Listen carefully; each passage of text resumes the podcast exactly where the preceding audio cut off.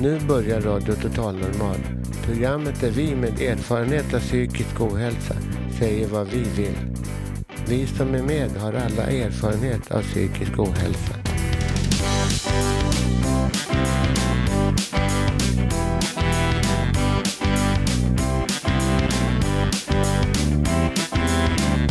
Du lyssnar på radio Total Normal. 101,1. Totalt normalt. Radio Total Normal, torsdagar från två till halv fyra. Vi livesänder med publik från Götgatan 38 i Stockholm. Kom hit och lyssna. Här är alla röster lika värda.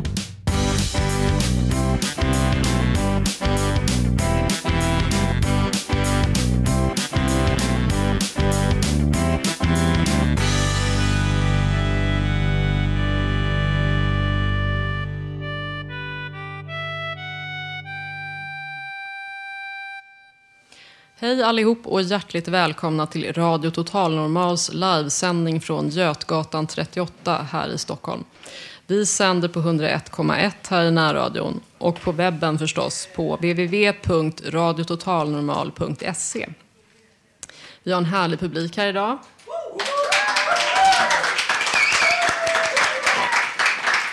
Ja, som ni hör är det hög stämning här på Fountain House. Ja.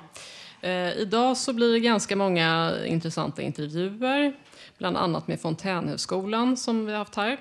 Och eh, så blir det livemusik och en massa annat förstås.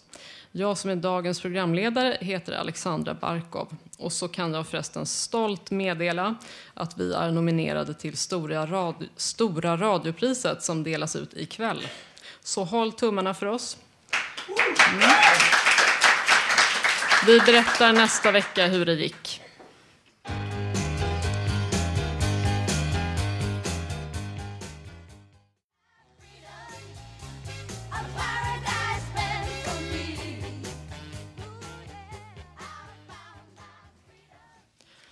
Ja, vi inleder programmet idag med en dikt av Miriam, en deltagare i ungredaktionen som inte längre finns med oss.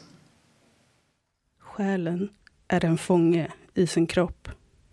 När själen vill spegla sig utåt hindrar fängelsets ogenomträngbara galler själen att släppa ut ljus. Själens ljus reflekteras tillbaka till gallret Tillbaka till fängelset, tillbaka till hålan. Hålan där själen är fången, i kroppen. Hur länge ska själen sitta i fängelset? Dagar, månader, år. Din själ är fast i din kropp. Din själ är klar. Din själ vill förmedla vad själen vill förmedla men är fängslad. Fängslad av kroppen. Själen är fängslad, men du får ett val. Du väljer att låta själen förbli fängslad eller lär dig fängelsets regler. Den enda som vet hur är du. Ja, eh, Själen är en fånge sändes här i radio första gången i september för ett år sedan. Eh, välkomna, ni hennes systrar. Vad heter ni? Milan och Mary. Hur kändes det att höra det här nu? Det kändes eh, väldigt vackert. Eh, men samtidigt så finns en viss sorgsenhet i att höra den dikten. Den var ja, fin och sorglig mm. och samtidigt verklighetsförankrad. Eh, ja, verklighetsförankrad, ja. Ni vill fortsätta Miriams kamp. Kan ni berätta lite mer om det? Absolut. Ehm, kampen handlar egentligen om att få rättvisa. Mm. Att få den vård man är berättigad till. Men även att öka kunskapen och förståelsen mm. om psykisk ohälsa. Psykisk ohälsa är mer utbrett än vad vi tror. Men det är fortfarande svårt att prata om psykisk ohälsa. Och det här måste uppmärksammas eftersom psykisk ohälsa på något, på något sätt är ett resultat av ett ohållbart samhälle. Vad var det som gick så fel med den här vården som skulle ha tagit hand om Miriam? Till att börja med var det ju att vid de allra flesta tillfällen Så vi kom vänta alldeles för länge för att få någon typ av vårdkontakt. Och när hon väl fick det så fanns det ingen kontinuitet. Och det var ju på grund av bristfällig men också en kortsiktig planering. Kort sagt så drabbades vår syster hårt på grund av bristande resurser inom psykvården samt bristen på kunskap som finns idag. Vad kan vi andra som medmänniskor då göra när vi möter en så här förtvivlad person? Det vi kan göra är att våga ställa frågor och prata om varför personen är förtvivlad. Och våga agera utifrån situationen och inte vänta på att någon annan ska göra det. Att inte göra skillnad på om personen lider av psykisk ohälsa eller fysiska besvär utan att alltid bemöta personen med respekt. Det är också viktigt att se och höra personen som människa och inte som sin sjukdom. Prata även öppet med omgivningen, för psykisk ohälsa finns överallt. Och var inte rädd för det du inte förstår, utan ut och skaffa kunskap och våga möta dina fördomar. Är det någonting mer som ni skulle vilja tillägga? Jag skulle vilja säga att alla kan förändra på individnivå just genom att skaffa kunskap. Men att det även behöver ske en förändring på det politiska planet. Så att det sista jag vill säga är att tänk på hur du röstar nästa gång. Tack så mycket för att ni kom hit. Tack, Tack så mycket.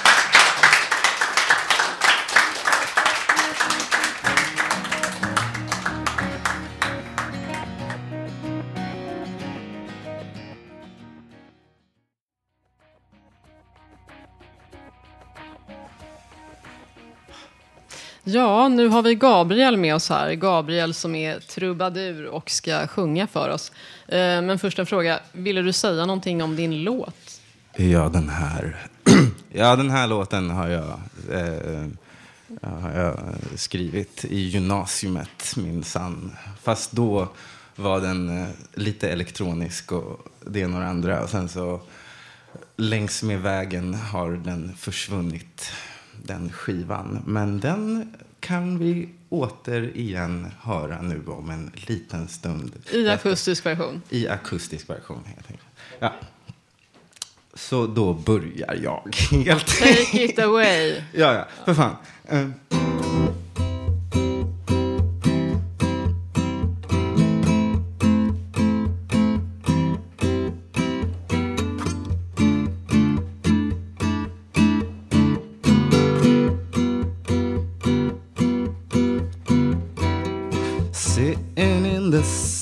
Again, ready to light up my only friend. And I'm not supposed to know what I'm going to do either one way, but I think of you, cause I shouldn't I right go back to the garden and find something to smoke. You take me as a joke, well, anyway, I have no reason to stop.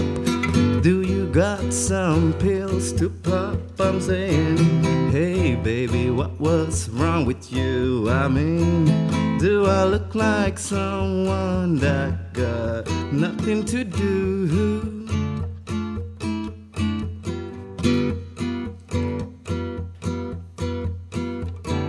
Sitting in the school again, I've been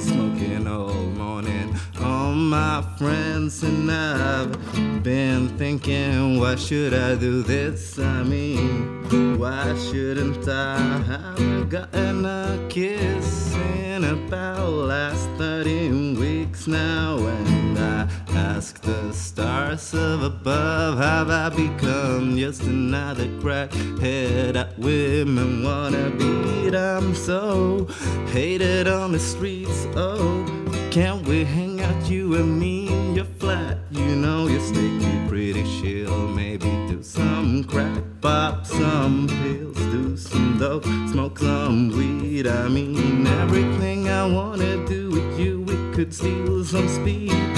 Hey, baby, what was wrong with you? I mean, do I look like someone that got nothing to do?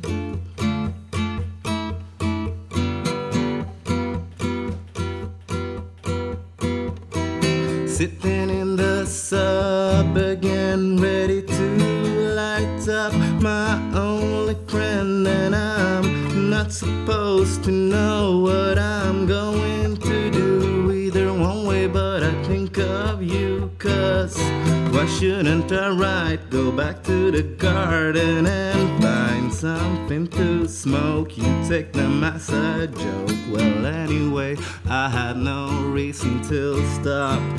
Do you got some pills to pop? I'm saying, hey baby, what was wrong with you? I mean, do I look like someone that got nothing to do? Just another crackhead that women wanna be. I'm so hated on the streets. Oh, can we hang out, you and me in your flat? You know, take it pretty shit. Maybe smoke some crack, pop some pills, do some dope, smoke some weed. I mean, everything I wanna do with you, we could take speed singing.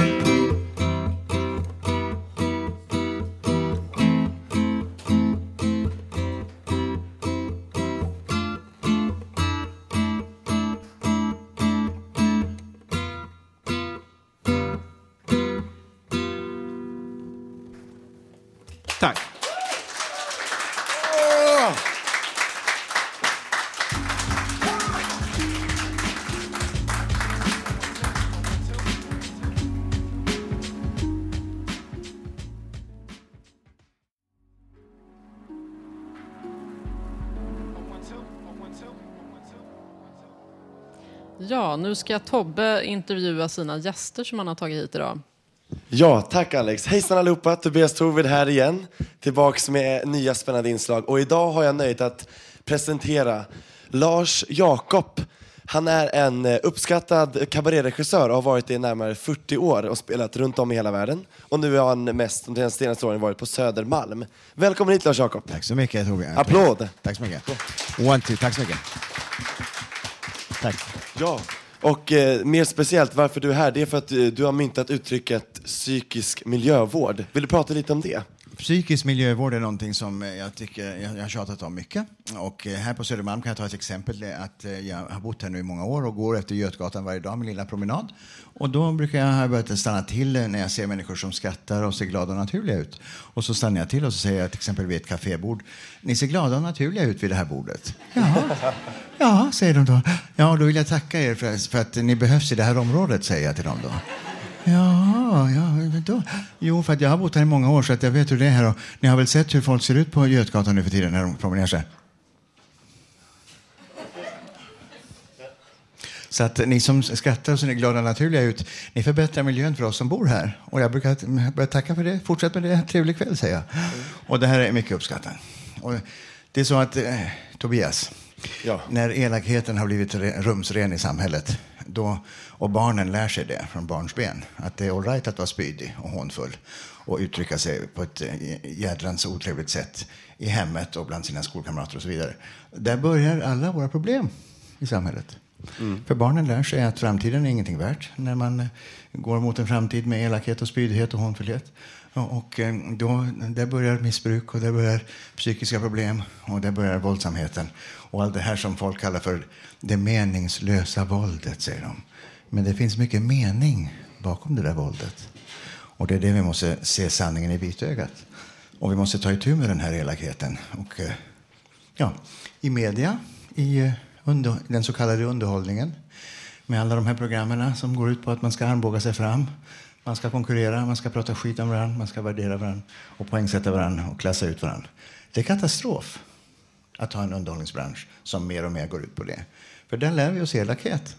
Och där lär vi oss att, att ta bort, vi, vi, vi övar bort det goda i den mänskliga personligheten som vi alla har, är födda med som barn.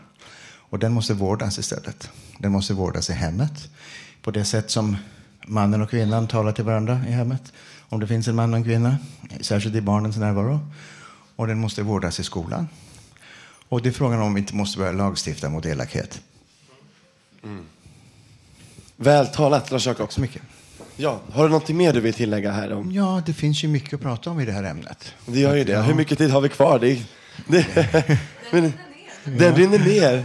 det Med finns- kloka ord, ja. Jag kanske kan få återkomma. eh, Ja, vi ska säga att det här, det här kan vi göra till återkommande inslag.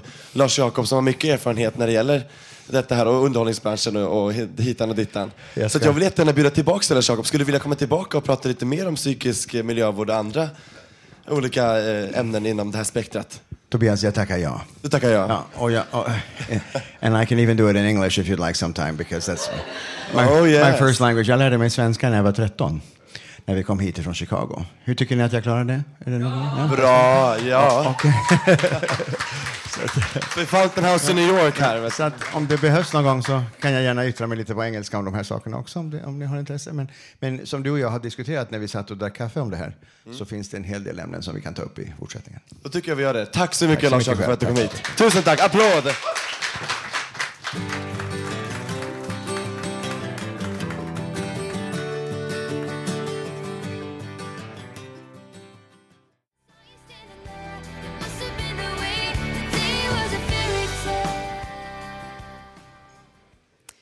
Nu står Susanna här och ska läsa en text för oss.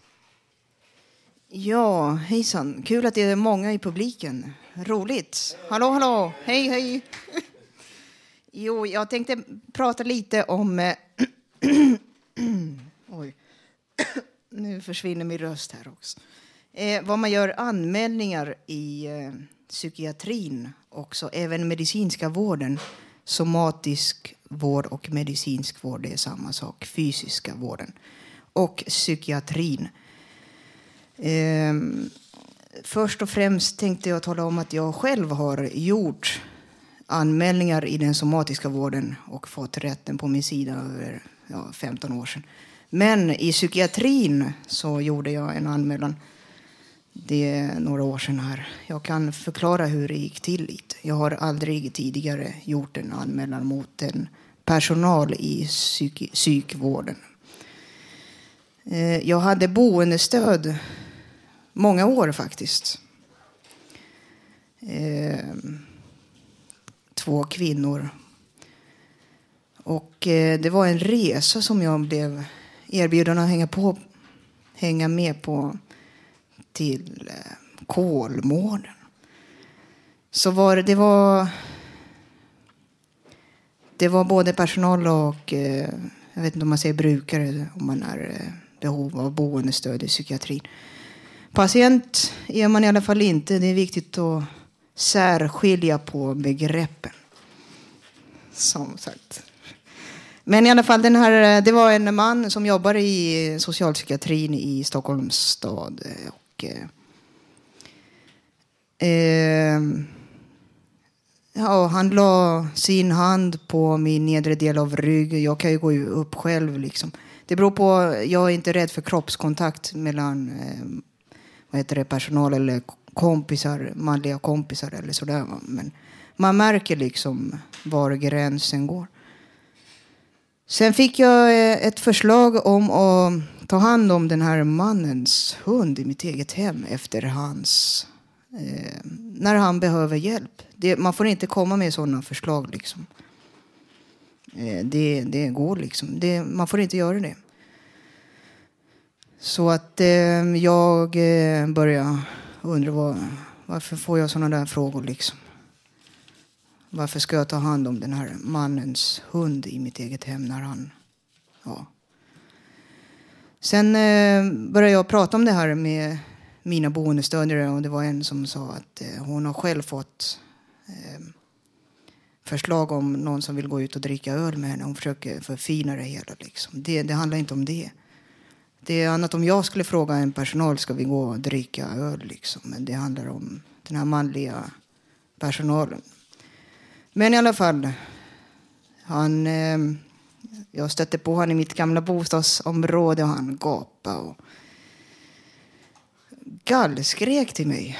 Jag blev lite fundersam vad det frågan om. Alltså. Men efter ett år, i dagsläget om det hade hänt idag så hade jag nog eh, säkerligen tagit tag i det tidigare. Jag gjorde i alla fall en anmälan till Socialstyrelsen eh, om det här. Och eh, när det händer ett, ett in, och jag har ringt till chefen på det här distriktet och berättat.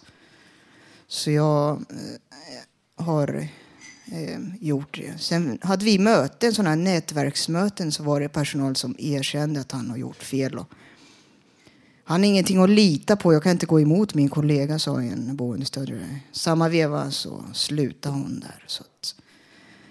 Men det ska i alla fall gå två år efter en händelse eller någonting eh, som har hänt.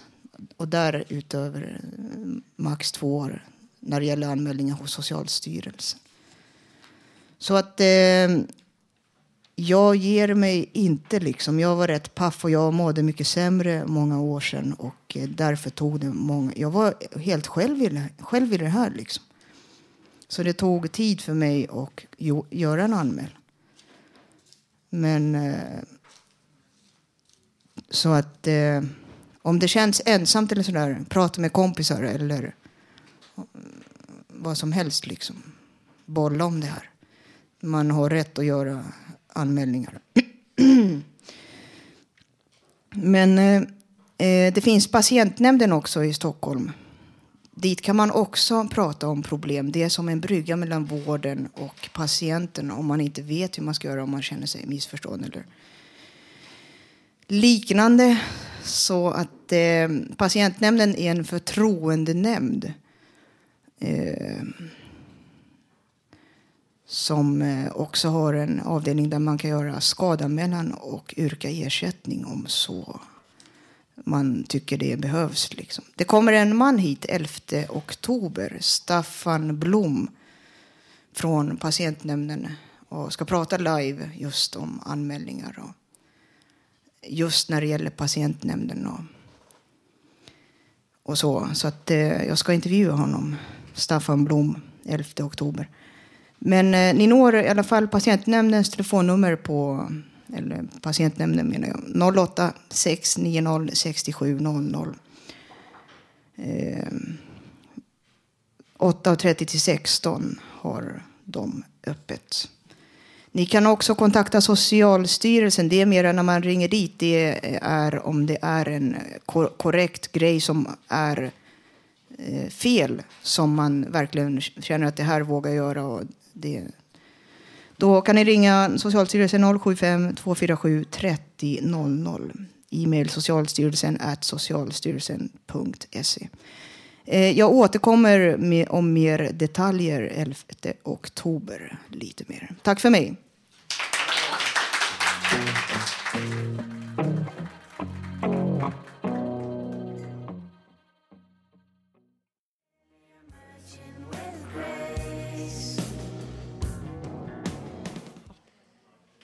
Ja, nu har vi en deltagare från fontänhuset Sköndal här, nämligen Victoria.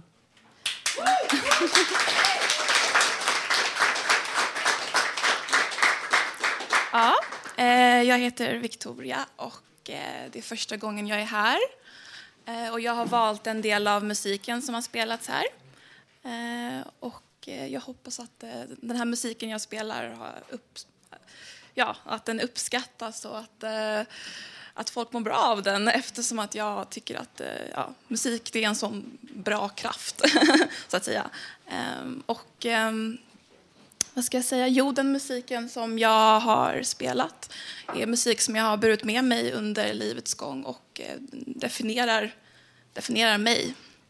Ehm, och när jag, den ger mig en känsla av välbefinnande när jag eh, mått dåligt. Och då spelar jag musik för att rensa ut alla dåliga tankar och, eh, ja, på, och liksom bli på nytt född igen så att säga. Eh, och den låt som jag ska spela heter Fly av bandet Lamb. Eh, och det är ett, eh, ett elektronikaband från eh, Storbritannien som spelar eh, en typ, en form av musik som heter trip-pop. Eh, som experimenterar med hiphop och har influenser i soul och funk och jazz. Eh, så jag hoppas att folk uppskattar det här. Tack.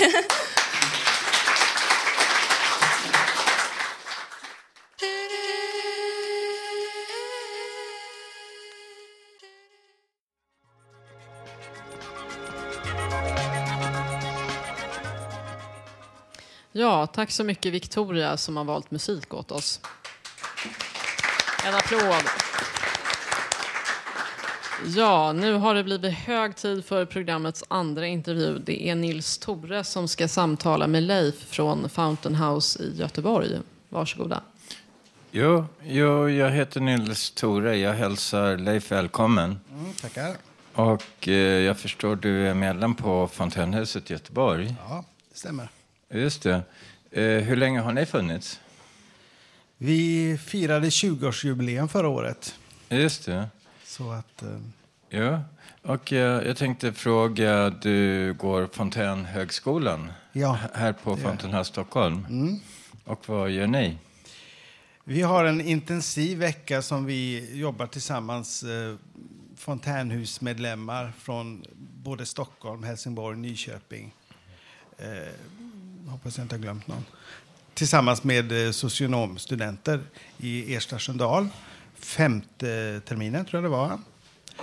Och det är ju ett perfekt sätt att möta brukare och de, alltså, elever och brukare på en nivå som där man tillsammans får en social, den sociala gemenskapen som vi alla på Fontänet känner till och, och blir lite hemmablind på.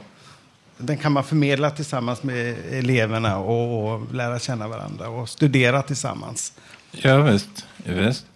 Eh, jag tänkte, kan du berätta lite om verksamheten på Fontänhuset Göteborg? Vad har ni för aktiviteter, verksamhet? Ja, den eh, arbetsstrukturerade dagen är nu ungefär som den är på vilket fontänhus som helst. Men sen har vi ju då målarkurs. Vi erbjuder ju vissa bonusgrejer. Om man är delaktig i en arbetsstrukturerad dag så har man möjlighet att vara med på att lära sig språk. Och det kan vara allt från spanska, tyska, eh, lite olika språk, datakurs.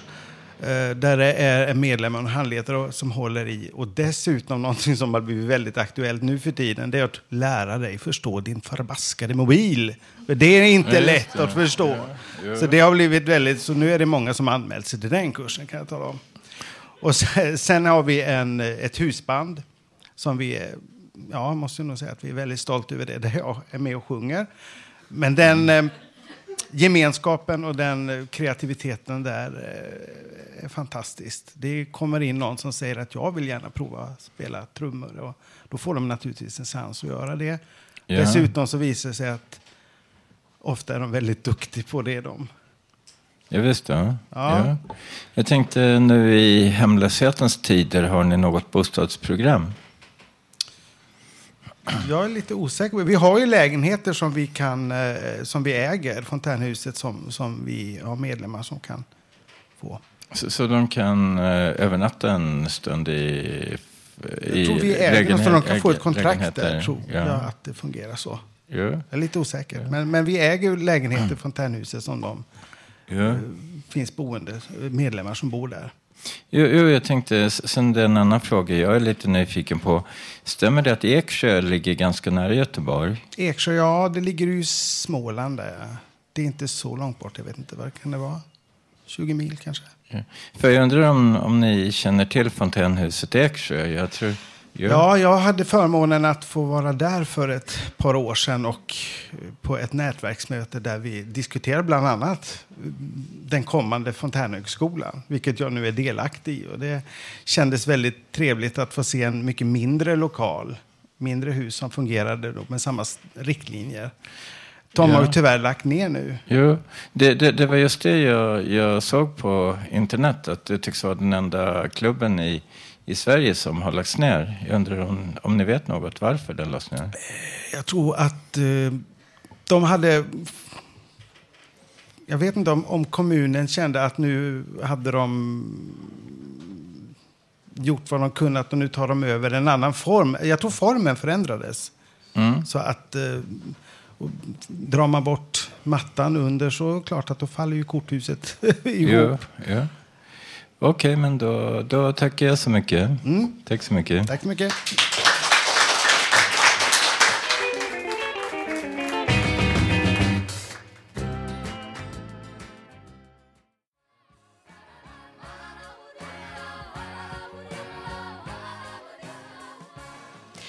Ja, och nu ska vi få en liten återblick från ångestparaden som gick av stapeln förra tisdagen. Det var vår flygande reporter Janne Holmbring som tog en sväng i Kungsträdgården och tog reda på hur hög ångestnivån var under paradkvällen. Vet du, vet du någonting om psykisk ohälsa och ångest? Ja tack, jag lider av det själv. Ja, det gör jag med. Ja. Just nu då, känns det nu då? Är det bra? Ja, nu är det rätt okej. Är För mig, men jag har ingen ångest alls, men jag är med ändå. Ja, och hur gör du då för att få bort dina eh, problem? Ja, dels, dels medicinerar jag nu. Ja. Hjälper det tror du? Tycker du? Tror det, fast jag har gjort det så länge så... Jag äter medicin sedan jag var 18, jag är 62 nu. Det brukar vara så att det börjar komma de här sjukdomen jag har, det kommer i tonåren och upp till 27-årsåldern. Sen går det över när man är 60-årsåldern tycker jag. Lycka till. Tack, tack detsamma. Hej, hej. Får jag fråga dig en sak? Vad vet du om ångestparaden? Ångestparaden? Jo, jag vet ju att det är psykiskt sjuka människor. Kan du säga någonting annat?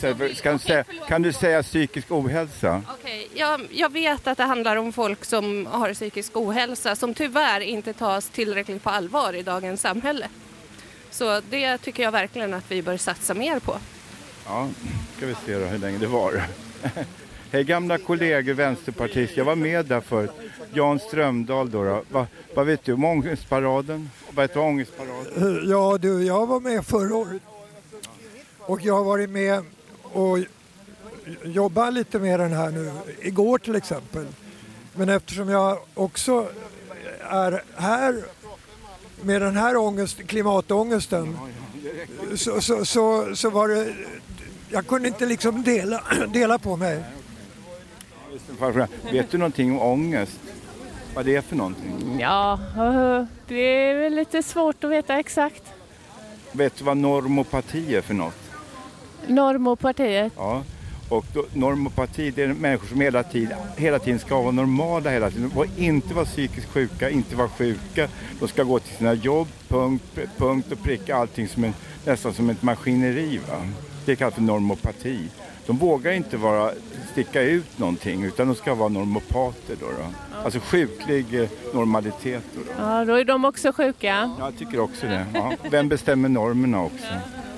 Stänger vi av det här då? Stänger av den? Nej, där va?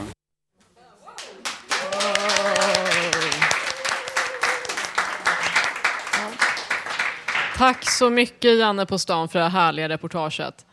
Nu är det så att nu ska vår hustrubadur Hasse Kvinto spela och sjunga för oss. Idag blir det på piano. Varsågod Hasse. Ja, jag ska spela och sjunga Bridge over troubled water.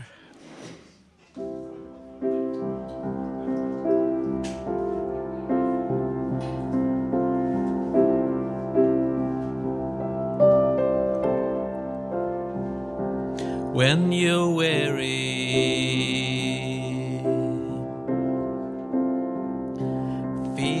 small, when tears are in your eyes, I will dry them all.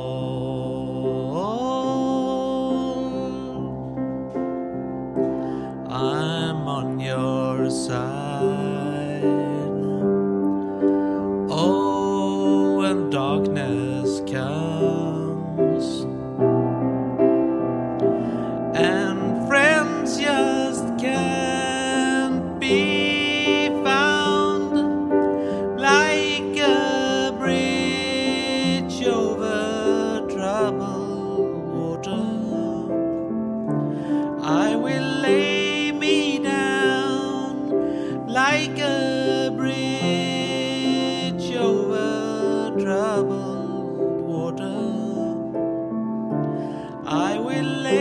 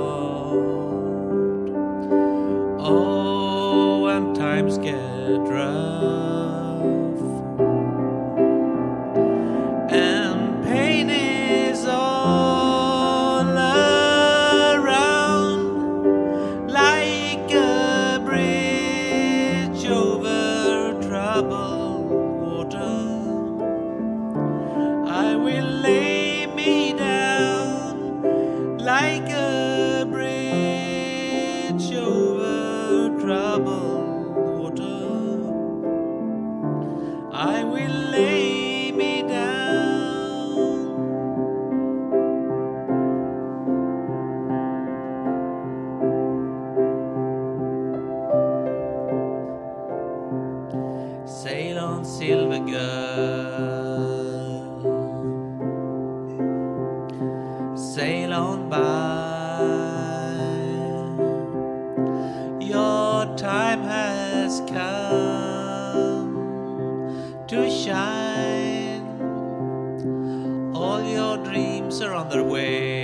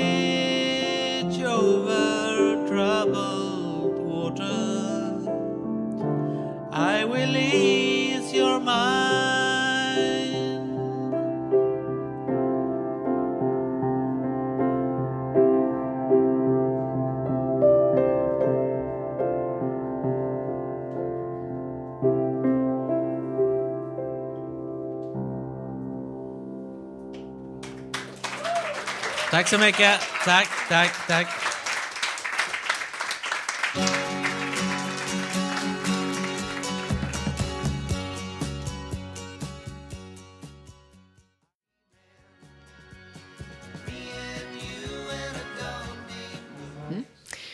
Det är dags för Mr X som idag ska intervjua en elev från socionomprogrammet i Sköndal. Varsågod.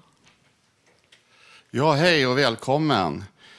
Jag undrar lite grann här, hur stor del av er utbildning består av ämnen som har med psykisk ohälsa att göra?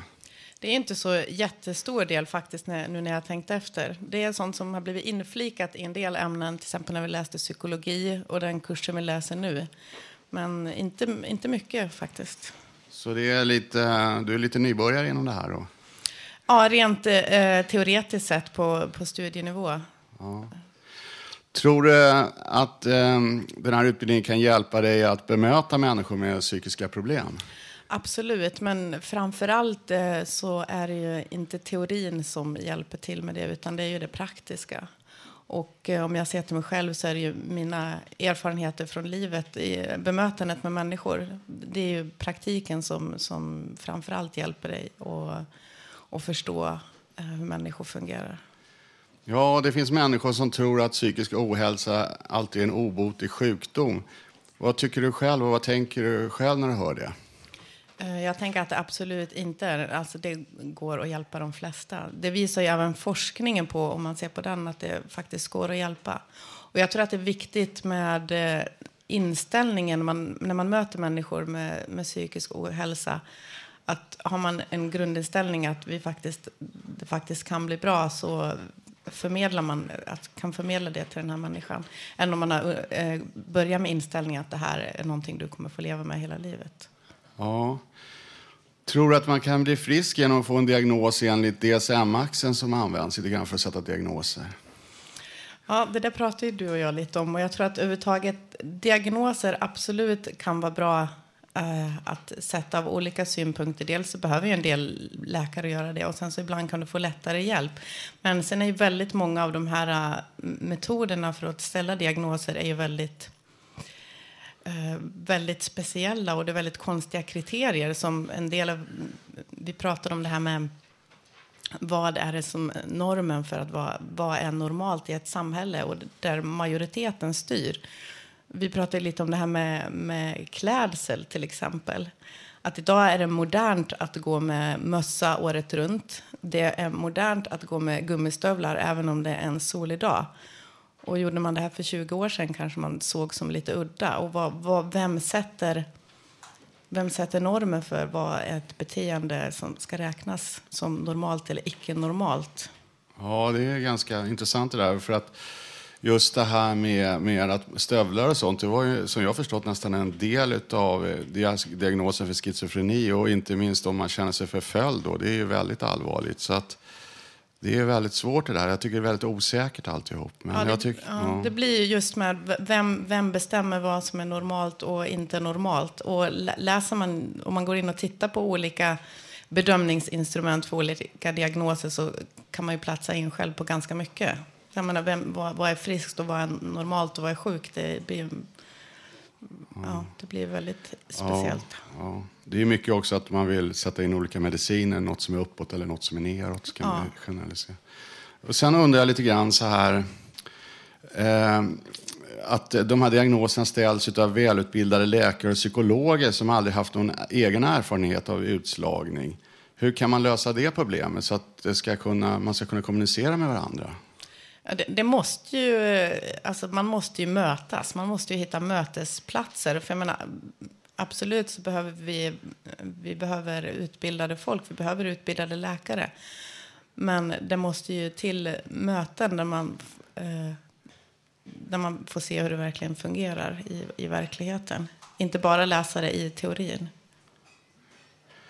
Varför är det så nästan att alltid den vård eller den behandling och senare återhämtning som man erbjuder folk med psykiska problem slutar med att man förvarar folk? Att man kommer inte vidare utan man blir kvar i någon slags...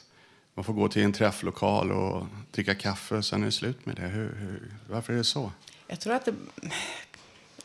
Nu är ju inte jag så jätteinsatt i alla verksamheter och hur det fungerar. Men det är väl lite en, eh, blir lite bekvämt kan jag tänka mig.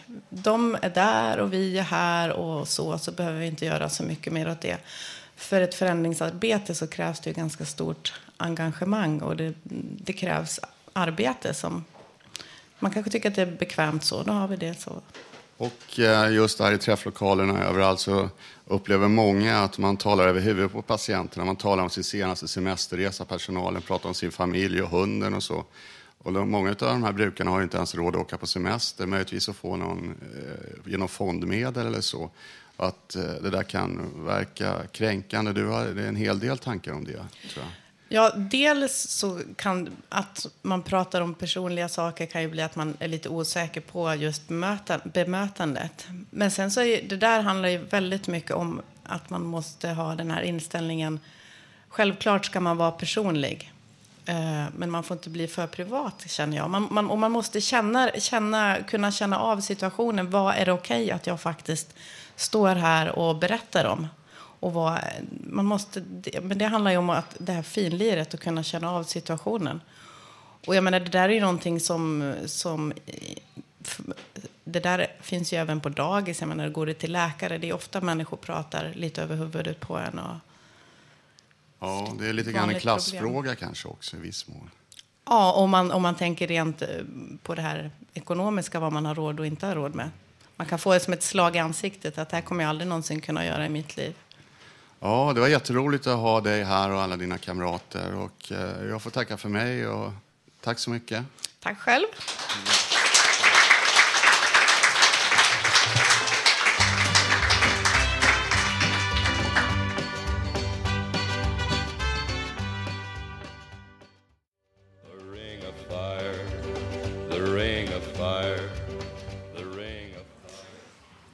Ja, nu är det dags för vår husfilosof Robert. Varsågod. Ja, hej. Det här är ett litet debattinslag i vårt liv som eh, vi eh, sop, sop, sop, sopan på gatorna och som varit fraktad hela sitt liv, tyvärr. Tack Gud för att du älskar mig, kallar jag det. Det är inte riktat någon speciell människa, utan det är liksom riktat till hela mänskligheten.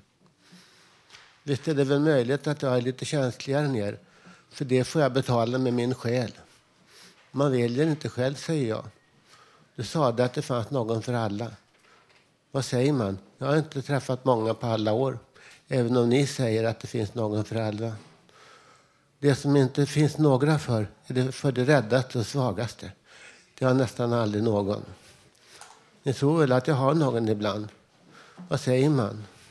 Tack för komplimangen. Tack för att ni förolämpar mig. Visst, en annan går det bättre för. Tillfälligheter, säger ni. Visst, det är väl möjligt att jag är lite känsligare än er. För det får jag betala med min själ.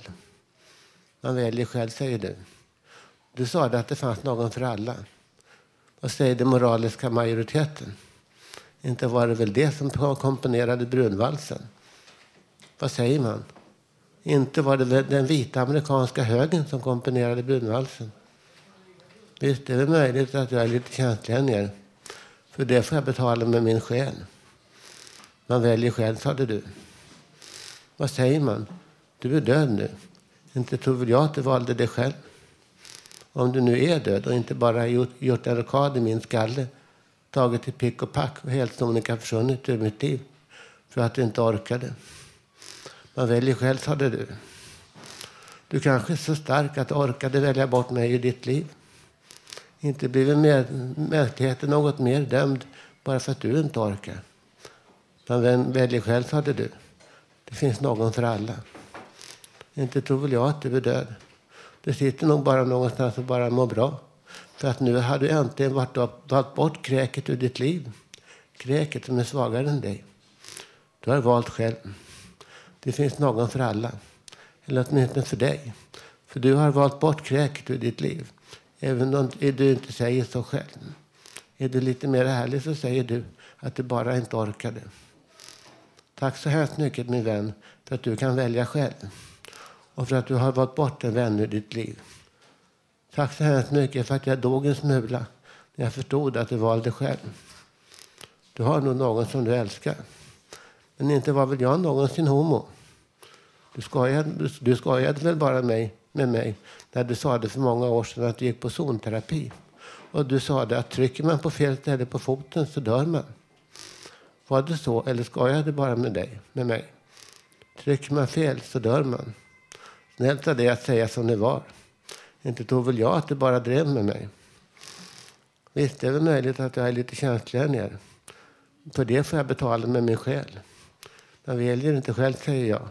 Man väljer själv, sade du. Varför är det då som det är för alla dessa människor efter alla dessa år? Tack Gud för att du älskar mig. För det gör du väl. Vad säger man? Väljer man allt själv? Varför är jag då ensam efter alla dessa år? Visst, man väljer själv. Det är väl så för att det måste vara så. Inte för att det är bra eller för att det är så. Man måste säga så, annars kan någon fatta att det inte är krassa mänskliga rättigheter som bestämmer vad som är rätt och fel. Det är inte demokratin som bestämmer hur det blir. Det är det krassa, råa våldet som ligger i människans själ. Det frakt, knytnävar och Uncle Sam är inte en stark, snäll farbror om han inte gillar dig. Fatta det, för det är så. Orkar du inte med allt, då hamnar du utanför för evigt. Eller kan göra. Ett enda litet fel är där du står vid dörren till helvetet. Ett enda litet fel och du är förlorad för evigt.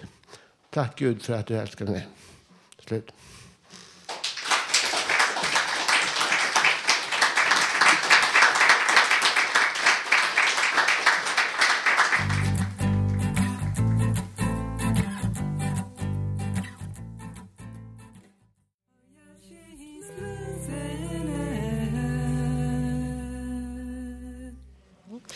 Tack så mycket Robert. Nu är det dags för Håkan som ska dela med sig av ett matlagningstips. Ja, hej alla som lyssnar. Idag tänkte jag eh, en vegetarisk variant av köttfärssås. Det är många som inte tål lök. Eller också det vanliga att man har tomatketchup. Så därför bryner man bland annat färsen, smakar av med valfri kryddor. Kokar frysta soppgrönsaker i buljong så de blir mjuka. Skiva blandad svamp och bryn den i smör plus persilja. Ha, och ha över en större kastrull. Ha av spaden ur en burk vita plus en burk röda bönor och blanda två matskedar med lite grädde samt svampsky. Häll på det och blanda allt. Servera valfri pasta eller potatismos. Och ni avgör själva om ni vill ha pasta eller potatismos.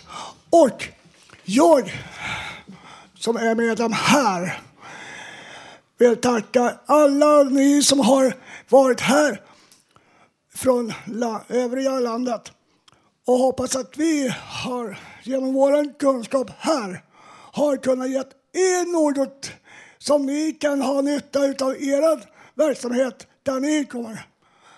Tack för mig!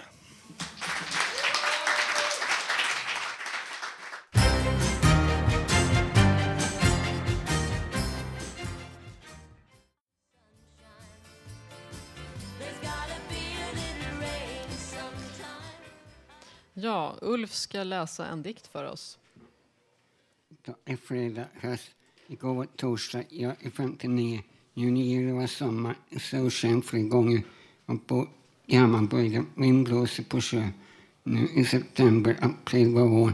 Natten mörk, moln, kväll, stjärnor blinkar, månen lyser. Mars var vinter. Jag arbetar på Fontanans kontor till Jag är medlem. Påsk var vår. Nu 2012. Midsommar var juni. Kanske nästa månad oktober. Förra året var 2011. Morgon i ljus. Förra månaden var augusti. Men imorgon är lördag. Och så är det fredag 14 september.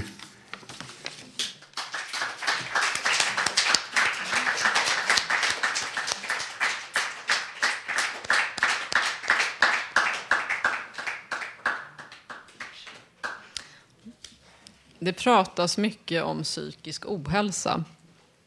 Det påstås att en av fyra drabbas någon gång under livet och att det här då är vår tids största folkhälsoproblem. Politiker från vänster till höger är för en gångs skull någorlunda överens om att det bör satsas stora summor på att bota, gärna med medicin. Vore det inte istället bättre att ägna resurser åt att skapa ett mer tillåtande och mindre stressigt samhälle? Sluta tänka i banor om status och skippa osunda skönhetsideal. Då skulle vi kanske slippa den psykiska ohälsan och de miljöfarliga och många gånger ohälsosamma mediciner som vi tycks få på köpet. Ja, nu har vi kommit till slutet av sändningen. Idag har vi bland annat fått höra ett reportage av Janne på stan, livemusik av Hasse Kvinto och personliga intervjuer. Nästa torsdag kan du höra oss igen som vanligt med publik här från Fountain House på Götgatan 38 i Stockholm. Fram till dess kan du lyssna på oss på webben www.radiototalnormal.se. Där kan du också skriva i gästboken, komma med förslag och gå in på vår Facebook-sida och titta på bilder. Och du får dessutom gärna ringa vårt telefonnummer 08 400 20807 och lämna en hälsning var du än befinner dig. Tekniker idag var Gustav Sondén med viss assistans av Emma. Producent var Melinda Vrede, producent för Ungredaktionen Emma Lundenmark och projektledare, projektledare Martin Od. De som har valt musik idag heter Victoria och Håkan och jag som var dagens programledare heter Alexandra Barkov. Mm.